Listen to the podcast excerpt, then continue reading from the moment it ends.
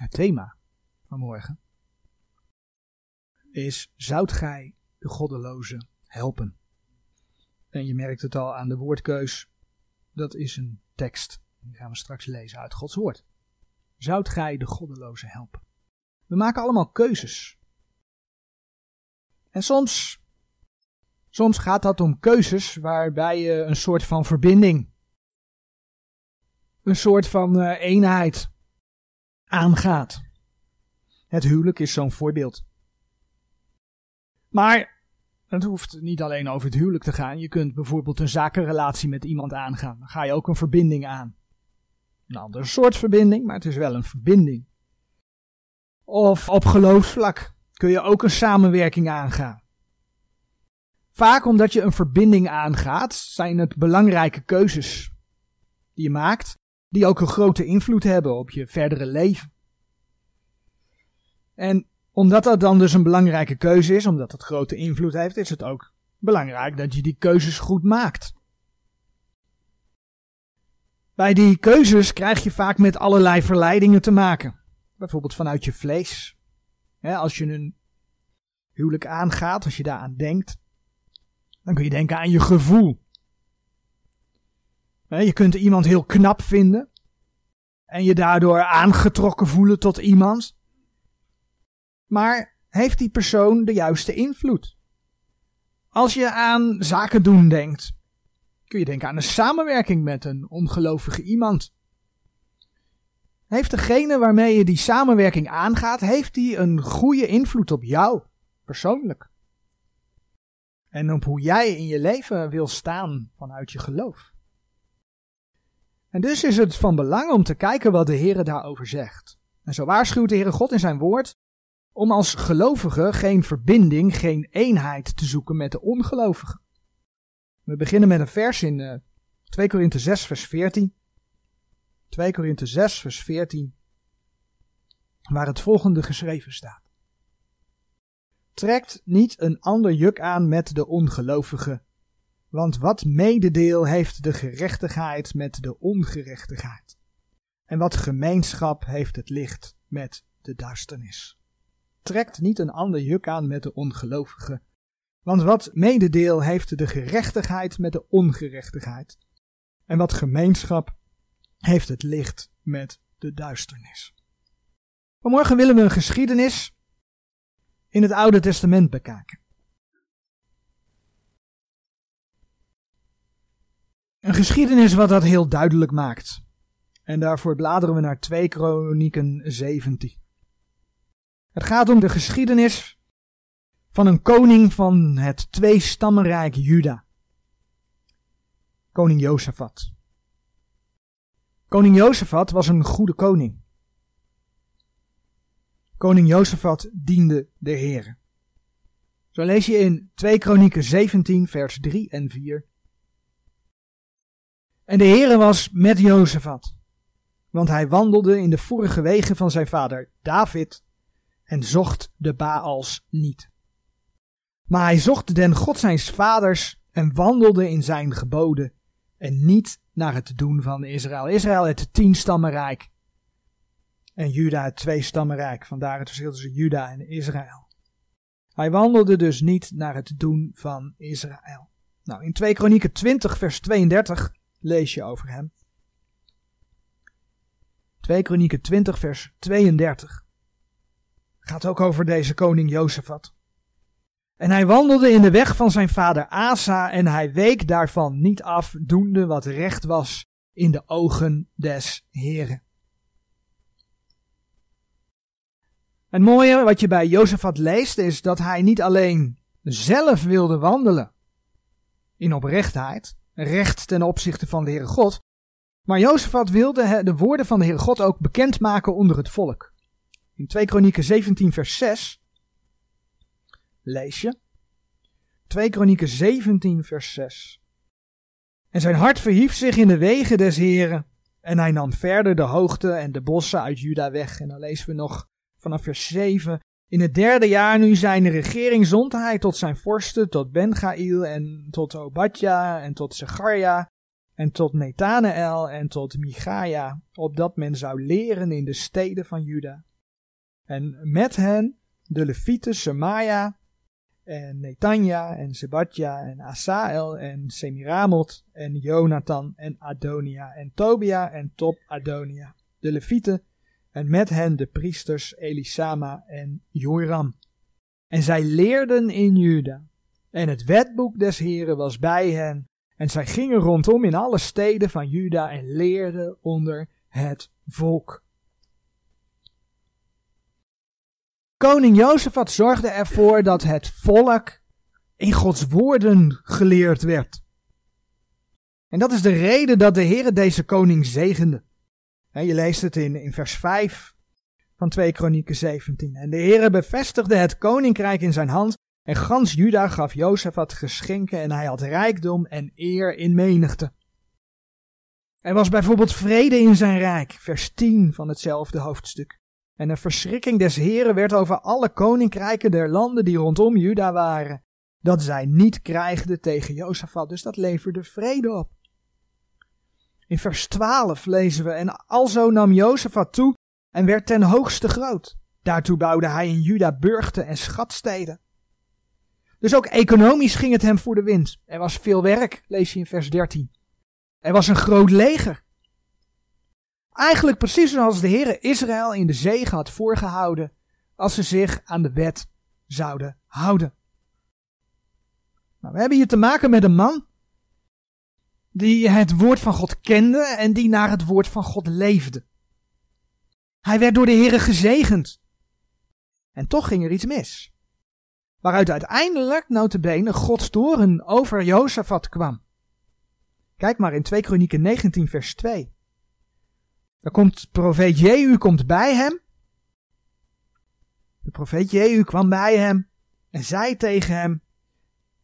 Jehu, de zoon van Hanani, de ziener, ging uit hem tegen en zeide tot de koning Jozefat, zoudt gij de goddeloze helpen? En die de Heere haten, liefhebben? Nu is daarom over u van het aangezicht des Heren grote toornigheid. Die man die zo gezegend werd, en die zo het volk in aanraking bracht met Gods woorden, dan lezen we hiervan dat Gods toornigheid over hem kwam. Wow. Waardoor? Ja, dat vers zegt het, hè, doordat hij de goddeloze en degene die de Heere haatte lief had en hielp. Wat was er gebeurd? De Heere zegende Jozefat, onder andere omdat hij stelling nam tegen Israël. Tegen het tienstammenrijk. Kijk maar in 2 Kronieken 17 vers 1. En zijn zoon Jozefat werd koning in zijn plaats en hij sterkte zich tegen, tegen Israël. Het onderhouden van Gods woord ging gepaard met een zich sterken tegen het tienstammenrijk. Waarom was dat belangrijk? Ja, in het tienstammenrijk was Agab koning. Agab had daar de macht en Agab die stond onder invloed van zijn vrouw Izebel, die de Baals diende en Agab ging ook de Baals dienen. Izebel was een dochter van de koning van de Sidoniërs en in één koning, uh, hou de hand bij twee kronieken, want daar komen we iedere keer terug, maar in 1 Koningen 21 vers 25. als je getrouwd bent, dan heb je invloed op elkaar. Nou, Izebel had een grote invloed op Agab. Kijk maar in uh, 1 Koningen 21 vers 25.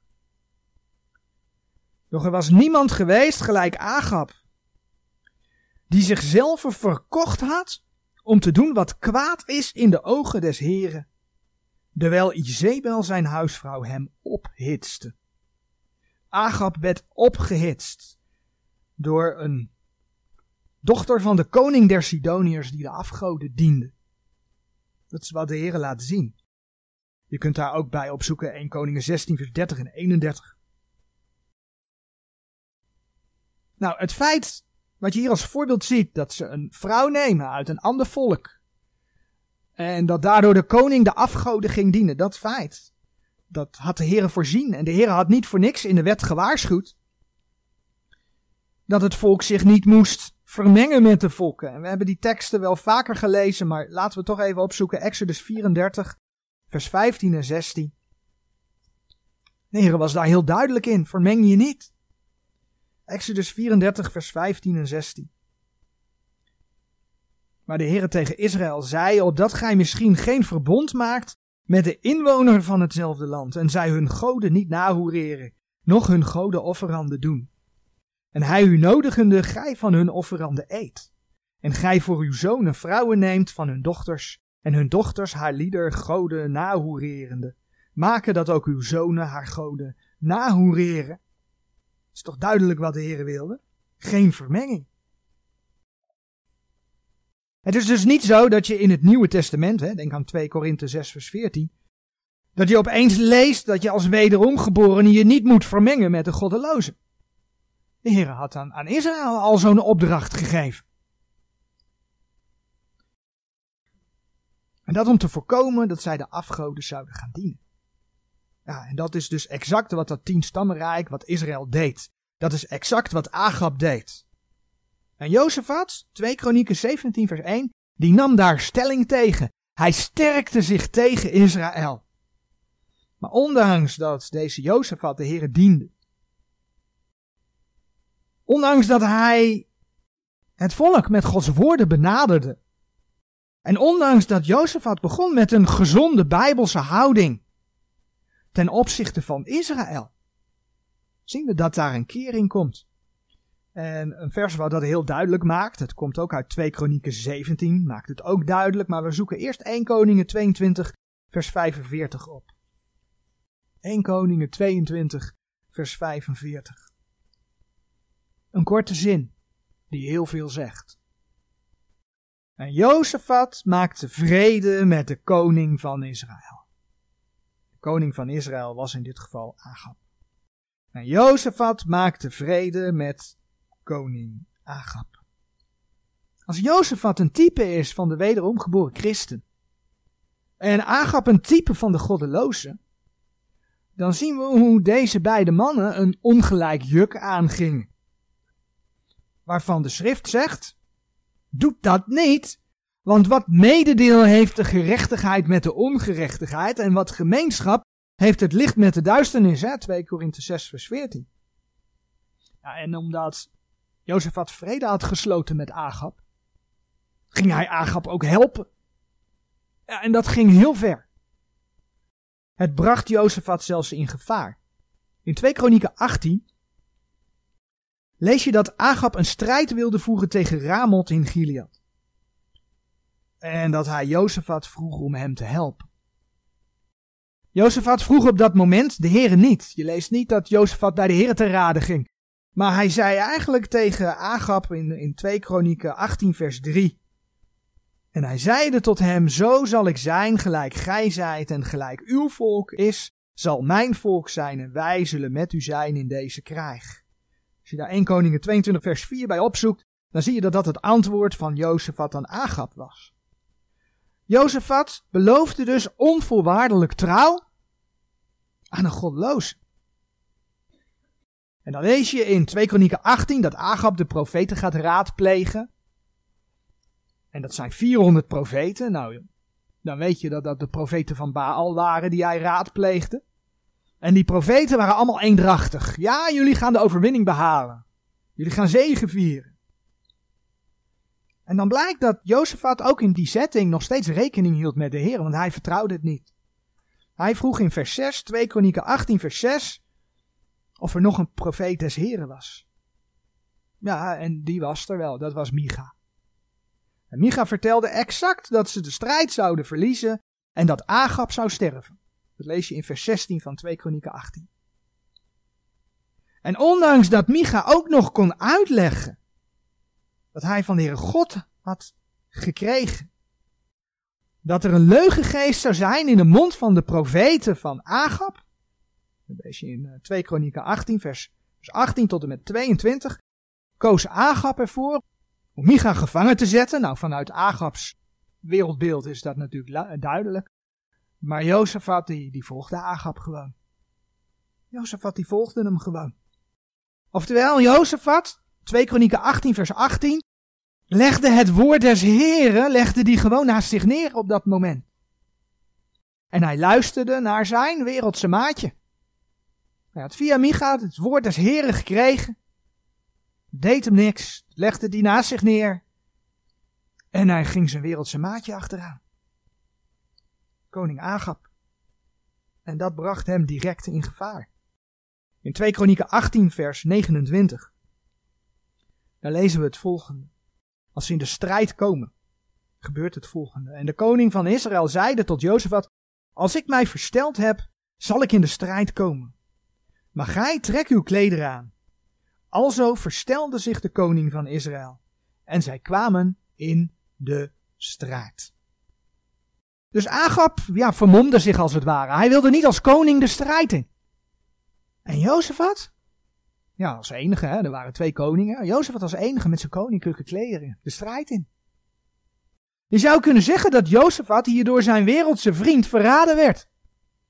Want stel je voor, de koning in koninklijke kleding. Twee legers tegenover elkaar, wie pak je als eerste? De koning, toch? Nou, dat lees je ook als je die strijd gaat lezen. Hij was door zijn vredesverbond met Agab klaarblijkelijk zo verblind dat hij dat niet meer doorhad. Dat alle pijlen op hem gericht zouden zijn. Terwijl Agab, hè, zoals Agab dat zelf dacht, waarschijnlijk heel de strijd uit zou komen. Of de kans dat het in ieder geval groter was, zeg maar. Het is dat de Heere ingreep. Dat lees je in 2 Kronieken 18 vers 30 tot en met 32. Het is dat de Heere ingreep, waardoor Jozefat bleef leven, want bijna was hij geschoten, zeg maar. Maar de Heere greep in. En dan lees je dat er een soldaat was die een pijl afschoot zonder dat hij door had. En die schoot Agab. Dus de Heere zorgde ervoor dat Jozefat bleef leven en dat Agab, zoals hij gezegd had, via Micha, stierf.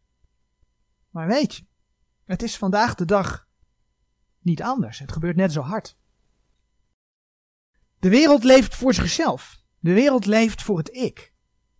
En de kans is groot dat je als gelovige voor het karretje van een ander gespannen wordt. Om zijn of haar doel te bereiken. En als je de Heer niet om leiding vraagt, als je belofte aangaat met ongelovigen, is de kans groot dat je met dingen geconfronteerd die je als kind van God eigenlijk niet wil. En als je dan Gods woorden naast je neerlegt, want ach, het zijn toch je vrienden, of ach, het is toch je familie, nou, dan ga je tegen Gods woord in. En zo begeef je als wederom geboren gelovige op een hellend vlak. En niet moeilijk kruipend naar boven, maar dat hellende vlak dat gaat naar beneden. Een paar voorbeelden. Eerst een zakelijk voorbeeld. Ga je ondanks een onredelijkheid mee in een prijsafspraak voor verschillende groepen mensen, omdat de winst dan vele malen groter is? Ach, het is toch de wens van je zakenpartner. Maar weet je wat het is? Als je als christen in het leven staat, de Heer vraagt van jou eerlijkheid. In uh, Spreuken, Spreuken 20 vers 10, daar zegt de Heer het volgende. Tweeërlei weegsteen. Tweeërlei Eva. Eva is een inhoudsmaat. Is de Heer een gruwel? Ja, die beide. Dat is wat Gods woord zegt. Voor het toepassen van verschillende maten is de Heer een gruwel. Wat doe je dan? Zeg je tegen je partner: nee, dat doen we niet? Of leg je Gods woord naast je neer om zogenaamde vrede te houden met je zakenpartner? Je bent in een vriendengroep. Ander voorbeeld, je bent in een vriendengroep. Je bent gewend om op zondag de samenkomst te bezoeken. Maar die beste vrienden van je zijn wereldse vrienden. En je hebt ze ooit beloofd dat je er altijd voor ze zult zijn. En nu hebben die beste vrienden, die hebben een feest. Op die zondag, waar jij normaal gesproken de gemeente bezoekt. Ja, en als jij spelbreker bent, dan leidt dat tot scheve gezicht. Maar ja, als je Gods woord leest, Hebreeën 10 vers 25, dan staat daar dat de Heer vermaant om de onderlinge bijeenkomsten niet na te laten. Dus wat doe je dan? Leg je dan het woord van de Heer naast je neer en volg je je vrienden? Wie volg je? Je bent net tot geloof gekomen. Ander voorbeeld. Je bent net tot geloof gekomen. Je ouders geloven niet. In de gemeente is je gezegd, in een moeilijke situatie, om ja, voor die situatie te bidden, het voor de Heeren neer te leggen, maar dan vervolgens wel de waarheid te zeggen tegen de persoon waar het om gaat. En dan kom je thuis. Wat doe je dan? Ga je dan alsnog het verhaal aan je ongelovige ouders voorleggen? Want ja, weet je, die bekijken het natuurlijk vanuit een hele andere. Ja, niet vanuit de Heer in ieder geval. Die bekijken het vanuit de wereld. En die zeggen, ach, een leugentje om best wil. Dat moet toch kunnen? Dan houd je tenminste de vrede met die persoon. Maar ja, Colossense 3 vers 9 zegt dat de Heer niet wil dat je liegt.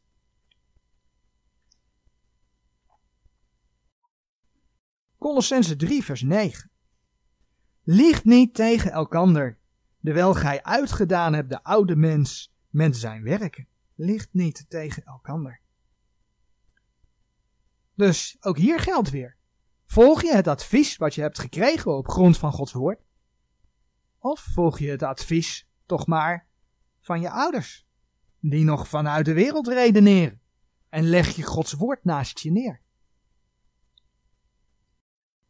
Nog een voorbeeld. Ga je een contract met een andere partij aan? En dat doet er niet aan voor wat, hè? Ga je een contract met een andere partij aan voor iets wat je leuk vindt? Of misschien iets wat je kan helpen? Wat het dan ook is. Maar waardoor je wel weet dat je straks heel veel tijd kwijt bent en geen tijd meer hebt om Gods woord te lezen. Terwijl je op basis van de schrift weet dat de Heer eigenlijk van je vraagt om je wel dagelijks met zijn woord te vullen. Een mooie tekst daarbij is Spreuken 8 vers 34. Spreuken 8 vers 34. Wel gelukzalig is de mens die naar mij hoort. Dagelijks wakende aan mijn poorten, waarnemende de posten mijner deuren. Hoe horen wij naar de Heere? Door zijn woorden tot ons te nemen. Wel gelukzalig is de mens die naar mij hoort, dagelijks wakende aan mijn poorten, waarnemende de posten mijner deuren. Laat je je in dit soort situaties, ja, waar laat je je door leiden in dit soort situaties? Laat je dan Gods woord naast je liggen? Achter je liggen? Schuif je dat aan de kant? Of kies je juist voor de Heer? Wie is er belangrijker? Met wie ga je een samenwerkingsverband aan? Want wat is de invloed van die persoon? Wie vraag je om raad? Nou, door het ingrijpen van de heren, gaan we terug naar koning Jozefat. Door het ingrijpen van de heren bleef koning Jozefat leven. Maar zijn relatie met de heren was op dat moment, ja, niet goed, zeg maar. Duidelijk niet goed. En de heren maakte hem dat duidelijk. we hebben het vers al gelezen, maar we lezen nu ook vers 3 erbij, 2 Kronieken 19 vers 2 en 3. En Jehu, de zoon van Hanani de ziener, ging uit hem tegen en zeide tot de koning Jozefat, zoudt gij de goddeloze helpen en die de Heere haten liefhebben? Nu is daarom over u van het aangezicht des Heren grote toornigheid. Evenwel, goede dingen zijn bij u gevonden, want gij hebt de bossen uit het land weggedaan en uw hart gericht om God te zoeken. Dat laatste, vers 3, dat zal de reden geweest zijn dat de Heere koning Jozefat uit die situatie gered heeft. Maar er is nog iets dat eraan bijgedragen heeft dat Jozefat Agab ging helpen. Jozefat had namelijk niet alleen vrede gemaakt met Agab, hij was ook familie van Agab geworden. In eerste instantie lezen we dat dat onder andere via zijn zoon was, die trouwde met de dochter van Agab. Dat kun je lezen in 2 Kronieken 21 vers 6. Daar lees je dat zijn zoon trouwde met de dochter van Agab. Maar het punt is dat Jozefat zelf een huwelijksrelatie aanging met de goddeloze familie van Agab. En dat vind je in 2 Kronieken 18 vers 1. Dat vers wordt eigenlijk altijd betrokken op de zoon van Jozefat. Maar het blijkt dat Jozefat zelf een relatie aanging met de familie van Agab. Want daar lezen we, Jozefat nu had rijkdom en eer in overvloed. En hij verzwagerde zich aan Agab. Wat betekent dat verzwageren? Dat hij getrouwd moet zijn met een broer of zus van Agab. Dan werd hij een zwager van Agab. Jozef had huwde Atalia, de dochter van Omri. En wie was Omri? Omri was de vader van Agab. Dus zijn dochter is de zus van Agab. Teksten die daarbij horen zijn 1 Koningen 16 vers 28 en 2 Kronieken 22 vers 9 en 10. Jozefat koos er dus bewust voor om zich te vermengen met een familie die de afgoden diende. Dan komt het mooie, want we lazen net al dat Jozefat, ondanks dat hij met Agab samenwerkte, nog steeds vroeg naar een profeet des Heren. Daar kon hij ook nog een goede reden voor gehad hebben. Staat niet in de Bijbel hoor. Maar daar kon hij ook nog een goede reden voor gehad hebben. Want hij als godvrezende man zou dan het koningshuis van Israël kunnen bekeren. Met zo'n reden kun je natuurlijk je geestelijk indekken. Een soort van masker voordoen om andere doelen te bereiken. Dus een bijbelse reden heb je dan. Ik ga ze het evangelie wel eens even uitleggen. In de moderne tijd geplaatst. Als dat al een reden was, gezien de context denk ik dat er andere reden speelden, maar als het al een reden was, dan ging hij daarmee voorbij aan de woorden van God. Want de Heer waarschuwt om geen ongelijk juk aan te doen. En ja, die woorden ongelijk juk, dat is nieuw-testamentisch, maar er zijn overduidelijk meer versen als alleen de versen die we in Exodus gelezen hebben, dat je je niet moest vermengen met andere volken en de afgoderij die daaruit voortkwam. God had Israël gewaarschuwd. Jozefat, die Gods woord kende en uitdeelde, die heeft dat geweten. Dus Jozefat had kunnen weten dat dat niet de weg was. En ja, dan komt hij, als je je door de goddeloze met de liefde laat vangen, dan ben je onderhevig aan de invloed van die goddelozen. Binnen een huwelijk heb je invloed op elkaar. We hebben in 1 Koningen 21 vers 25 al gezien hoe de Heere zegde dat Izebel Agab ophitste. Ja, dat leidt van de Heer af. Nou, een mooi vers, Spreuken 29 vers 27, of een mooi vers, maar een duidelijk vers. Spreuken 29 vers 27 laat zien wat er tussen een gelovige en een ongelovige speelt.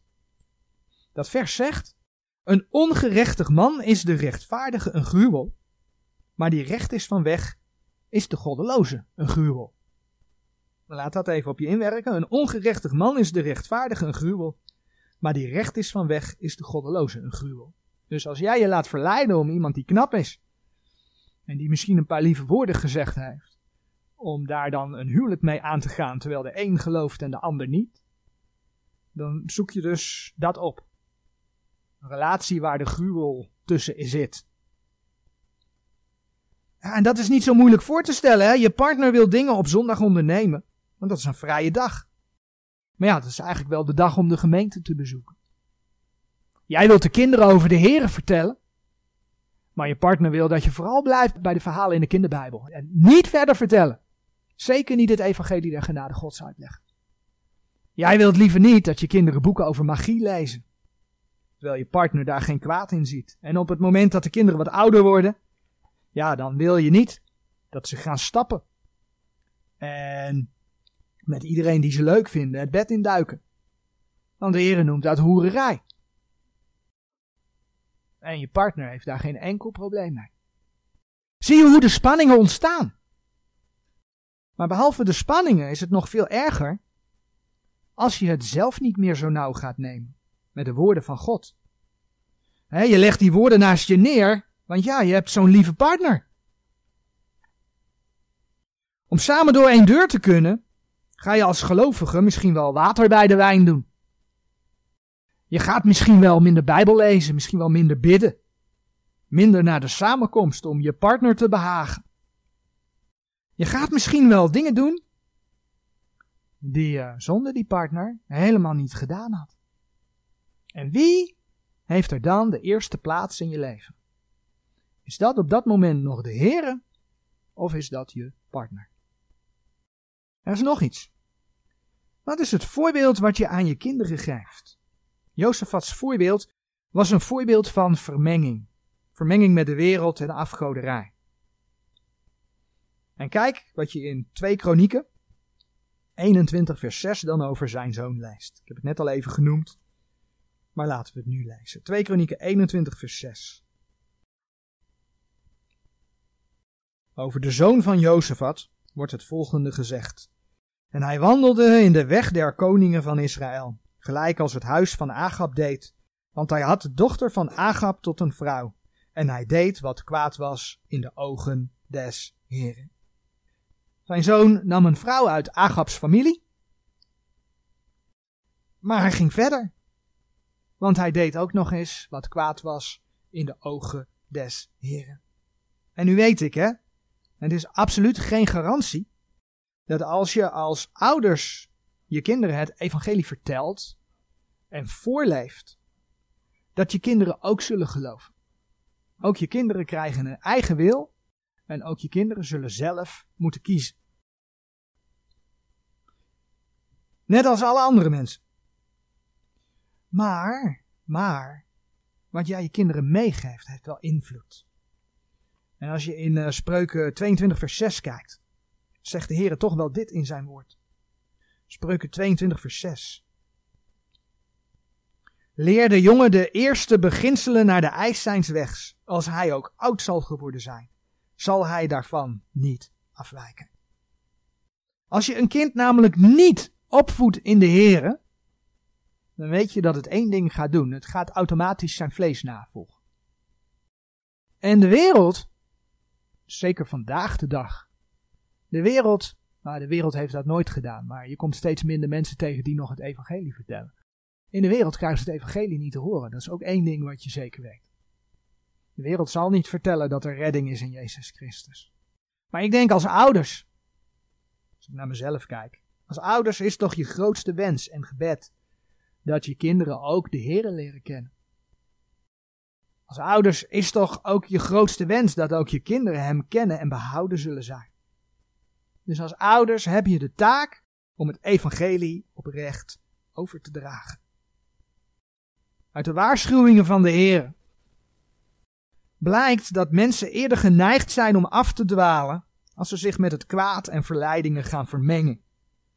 En dan moet je dus geen bijbelse reden voor bedenken, je moet het gewoon niet doen. Je vlees is zwak. En daarom moet je, Romeinen 6, vers 11 en 12, moet je dat vlees voor dood houden. En de waarschuwingen van de Heer te harte nemen. Ja, en het advies van de Heer is duidelijk. Hè? Israël werd gewaarschuwd. Tegen Jozefat zei de Heer, hebben we gelezen in 2 Kronieken 19 vers 2, Zoudt gij de goddeloze helpen en die de Heer haten lief hebben? En tegen de gemeente wordt er gezegd, gewaarschuwd. Trek niet een ander juk aan met de ongelovige. Want wat mededeel heeft de gerechtigheid met de ongerechtigheid? En wat gemeenschap heeft het licht met de duisternis? Dus mocht je als ongehuwde christen iemand tegenkomen die je wel aardig vindt, maar deze persoon kent de Heere niet, ga de liefde niet opwekken. En als je iets voelt, vlucht weg. Vlucht weg. Want het vlees is zwak. Trek niet een ander juk aan met de ongelovige. Pas op met wie je trouwt. Maar hoe zit het dan als je tot geloof komt en je bent al getrouwd? En hoe zit het dan als je al kinderen hebt? Want ja, dan kun je die keuze niet meer maken. Hè? Dan zit je in een situatie Twee ongelovigen samen getrouwd en één komt tot geloof. En er zijn heel veel voorbeelden van. En dat is heel moeilijk vaak. Het is een ja, lastige situatie. Juist vanwege wat we in spreuken zagen, dat spanningsveld wat er ontstaat. Maar de Heer zegt er wel wat over in zijn woord. In 1 Korinthe 7, vers 12. 1 Korinthe 7, vers 12 vanaf vers 12. Daar lezen we het volgende. Maar de andere zeg ik, niet de Heere, indien enig broeder een ongelovige vrouw heeft en dezelfde tevreden is bij hem te wonen, dat hij haar niet verlaten. En een vrouw die een ongelovige man heeft en hij tevreden is bij haar te wonen, dat zij hem niet verlaten. Want de ongelovige man is geheiligd door de vrouw en de ongelovige vrouw is geheiligd door de man, want anders waren uw kinderen onrein, maar nu zijn zij heilig. Maar indien de ongelovige scheidt, dat hij scheiden. De broeder of de zuster wordt in zodanige gevallen niet dienstbaar gemaakt. Maar God heeft ons tot vrede geroepen.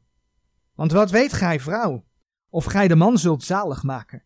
Of wat weet gij, man, of gij de vrouw zult zalig maken?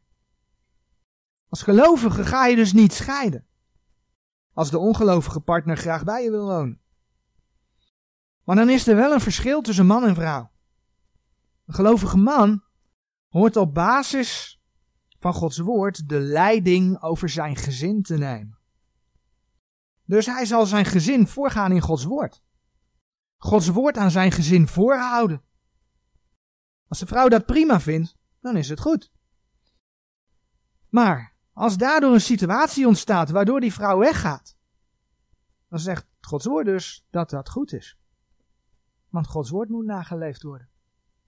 Dan zegt de Heer, laat maar gaan en de broeder is vrij. Andersom geldt dat dus precies hetzelfde. Alhoewel het voor een gelovige vrouw wel anders ligt. Ja, ze zal de Heer volgen, want ze heeft de Heer aangenomen. En ja, ze zal Gods woord gaan lezen. En ja, ze zal gaan bidden. En als ze de kans krijgt, zal ze getuigen. Maar ten opzichte van haar man zal ze in eerste instantie stil zijn. Ik baseer dat op 1 Petrus 3 vers 1. Zodra een vrouw als een eh, christelijke feminist tegen haar man tekeer gaat, dan weet je dat er iets niet goed zit. Want 1 Petrus 3 vers 1 zegt, 1 Petrus 3 vers 1 zegt, desgelijks gij vrouwen, zijt uw eigen mannen onderdanig. Opdat ook zo enige het woord ongehoorzaam zijn. Niet alleen maar in alle positieve roze en maneschijn situaties, maar juist dus ook als ze het woord ongehoorzaam zijn zij door de wandel der vrouwen zonder woord mogen gewonnen worden. Dat is dus het voorleven van het feit dat jij christen bent geworden. Dat is de taak van de vrouw. En daar kun je vers 2 tot en met 4 ook nog bij lezen van 1 Petrus 3. Maar op het moment dat je in zo'n situatie zit, dan vergt het voor de gelovige dus om extra alert te zijn om bij Gods woorden te blijven. Want het moet dus niet zo zijn dat jouw partner die goddeloos is, op de eerste plaats komt te staan. En jou gaat meenemen in zijn of haar goddeloosheid. En je aftrekt van de Heer. Waardoor je niet meer gaat Bijbel lezen, niet meer naar de samenkomst gaat, niet meer gaat bidden. Dingen gaat zeggen die je eigenlijk niet zou doen. Leugentjes om best wil, noem het maar op. De Heer wil dat je Hem volgt dat hij op de eerste plaats staat en dat van daaruit je partner misschien wel gewonnen wordt. Terug naar Jozefat. Jozefat was gewaarschuwd. En misschien heeft die hele situatie hem wel geholpen om verder te gaan met de heren. Dat staat er niet. Maar je leest wel dat na die hele situatie met Agab, Agab sterft, Jozefat komt terug dat Jozef wat verder gaat met zijn reformatie, zijn hervormingen. En dan niet de hervormingen de verkeerde kant op, maar in positieve zin. Hij gaat verder met het volk benaderen over de Heere God. Kijk maar in 2 Kronieken 19 vers 4. Hij gaat rechters aanstellen die de Heere dienen. Dat lees je allemaal in 2 Kronieken 19. En dan lezen we in 2 Kronieken 20 vers 1 en 2 dat er een groot leger op Juda afkwam. En dat Jozefat bang was. En wat doet Jozefat? Jozefat ging bidden. Jozefat ging bidden. In 2 Kronieken 20 vers 3, daar lees je, Jozefat nu vreesde, hij, hij was bang. En stelde zijn aangezicht om de Here te zoeken en hij riep een vasten uit in gans Juda. Wauw, hij zocht de Here, ook in de moeilijkheden. Vervolgens lees je in hoofdstuk 20 over zijn gebed. En je leest hoe de Heere hem de overwinning gaf. Maar ondanks die ervaring, dat hij afgegleden was, dat hij ondanks de toren van de Heere God door mocht, en dat de Heere God hem opnieuw zegende, dat hij het volk weer met het woord van God mocht benaderen, ondanks dat, lees je in 2 Kronieken 20 vers 35 en 36. Doch na deze vergezelschapte zich Jozefat, de koning van Juda, met Hazia, de koning van Israël. Die handelde goddelooselijk in zijn doen. En hij vergezelschapte zich met hem om schepen te maken om naar Tarsjes te gaan. En zij maakten de schepen te Ezion Geber. Je vraagt je af, hoe kan dat? Maar zo zwak is dus het vlees. Waar mensen ook gevoelig voor zijn, is, is rijkdom, is macht. Ik had al verteld dat Agap niet zijn koninklijke kleren aandeed. Waarschijnlijk was dat bewust. Waarschijnlijk wilde die Jozefat weghouden. Ze waren verzwagerd. Dan zou het koninkrijk één worden. Hé, hey, eenheidsstreven binnen de politiek. Meer macht, meer rijkdom. Het gevolg was van dat Agap stierf. Ik heb het niet in de voorbereiding gedaan. Maar je leest het wel in 2 Kronieken 21 vers 2. Agap was dood. Jozefat was koning. Van Israël. En Jozefat was toch koning van Juda? Ja, maar de Bijbel zegt opeens dat Jozefat koning van Israël is. Kijk maar, 2 Kronieken 21 vers 2. En hij had broederen, Jozefats zonen, Azarja en Jehiel, en Zacharia en Azarja, en Michael en Sephatja. Deze alle waren zonen van Jozefat, de koning Israëls. Hé, hey, ze waren vrienden. Maar er zat ook waarschijnlijk nog wat meer achter. Rijkdom en macht. We lazen het al in 2 Kronieken 18 vers 1. Dat Jozef wat veel rijkdom had en veel eer toekwam. Of toekwam, die kreeg hij. Waarschijnlijk speelde dat mee in die vriendschap met Agap. En hier in 2 Kronieken 20, dus met de zoon van Agap. Nou, je leest over die schepen, die grote, die ze naar Tarsus wilden sturen. Weet je wie dat ook gedaan had? Salomo. De grote koning van Israël. In uh, 2 Kronieken 9, vers 20 tot en met 22 lees je dat. Dat Salomo schepen had en die gingen naar Tarsus en die brachten grote rijkdom binnen. En dat ging Jozefat ook proberen. En daarvoor sloeg hij opnieuw Gods woord in de wind. En maakte hij opnieuw vriendschap met de goddeloze koning. En dat voor rijkdom. Spreuken 11, vers 28. Spreuken 11, vers 28 zegt over rijkdom het volgende. We hebben vorige week gezien hoe rijk je in de Heer mag zijn. Maar dat is een andere soort rijkdom. Dat is wat anders dan geld, goud en nou, noem het maar op. En dit vers gaat over ja, die aardse rijkdom, aardse schatten. Wie op rijkdom vertrouwt, die zal vallen. Duidelijk hè? Wie op rijkdom vertrouwt, die zal vallen. Maar de rechtvaardigen zullen groenen als loof. Ja, Jozefat die ging die kant weer op. En dan komt er opnieuw een profeet bij hem. En je snapt wel, die had natuurlijk geen mooie boodschap voor Jozefat. In vers 37 van 2 eh, Kronieken 20 lezen we, maar Eliezer, de zoon van Dodava, van Maresa, profiteerde tegen Jozefat, zeggende, omdat gij u met Ahazia vergezelschap hebt, heeft de Heere uw werken verscheurd. Alzo werden de schepen verbroken, dat zij niet konden naar Tarsis gaan. De Heere stak er een stokje voor. Nu kan de Heere ook vandaag de dag hier in dit leven ingrijpen. Als iemand zijn woorden aan de kant zet.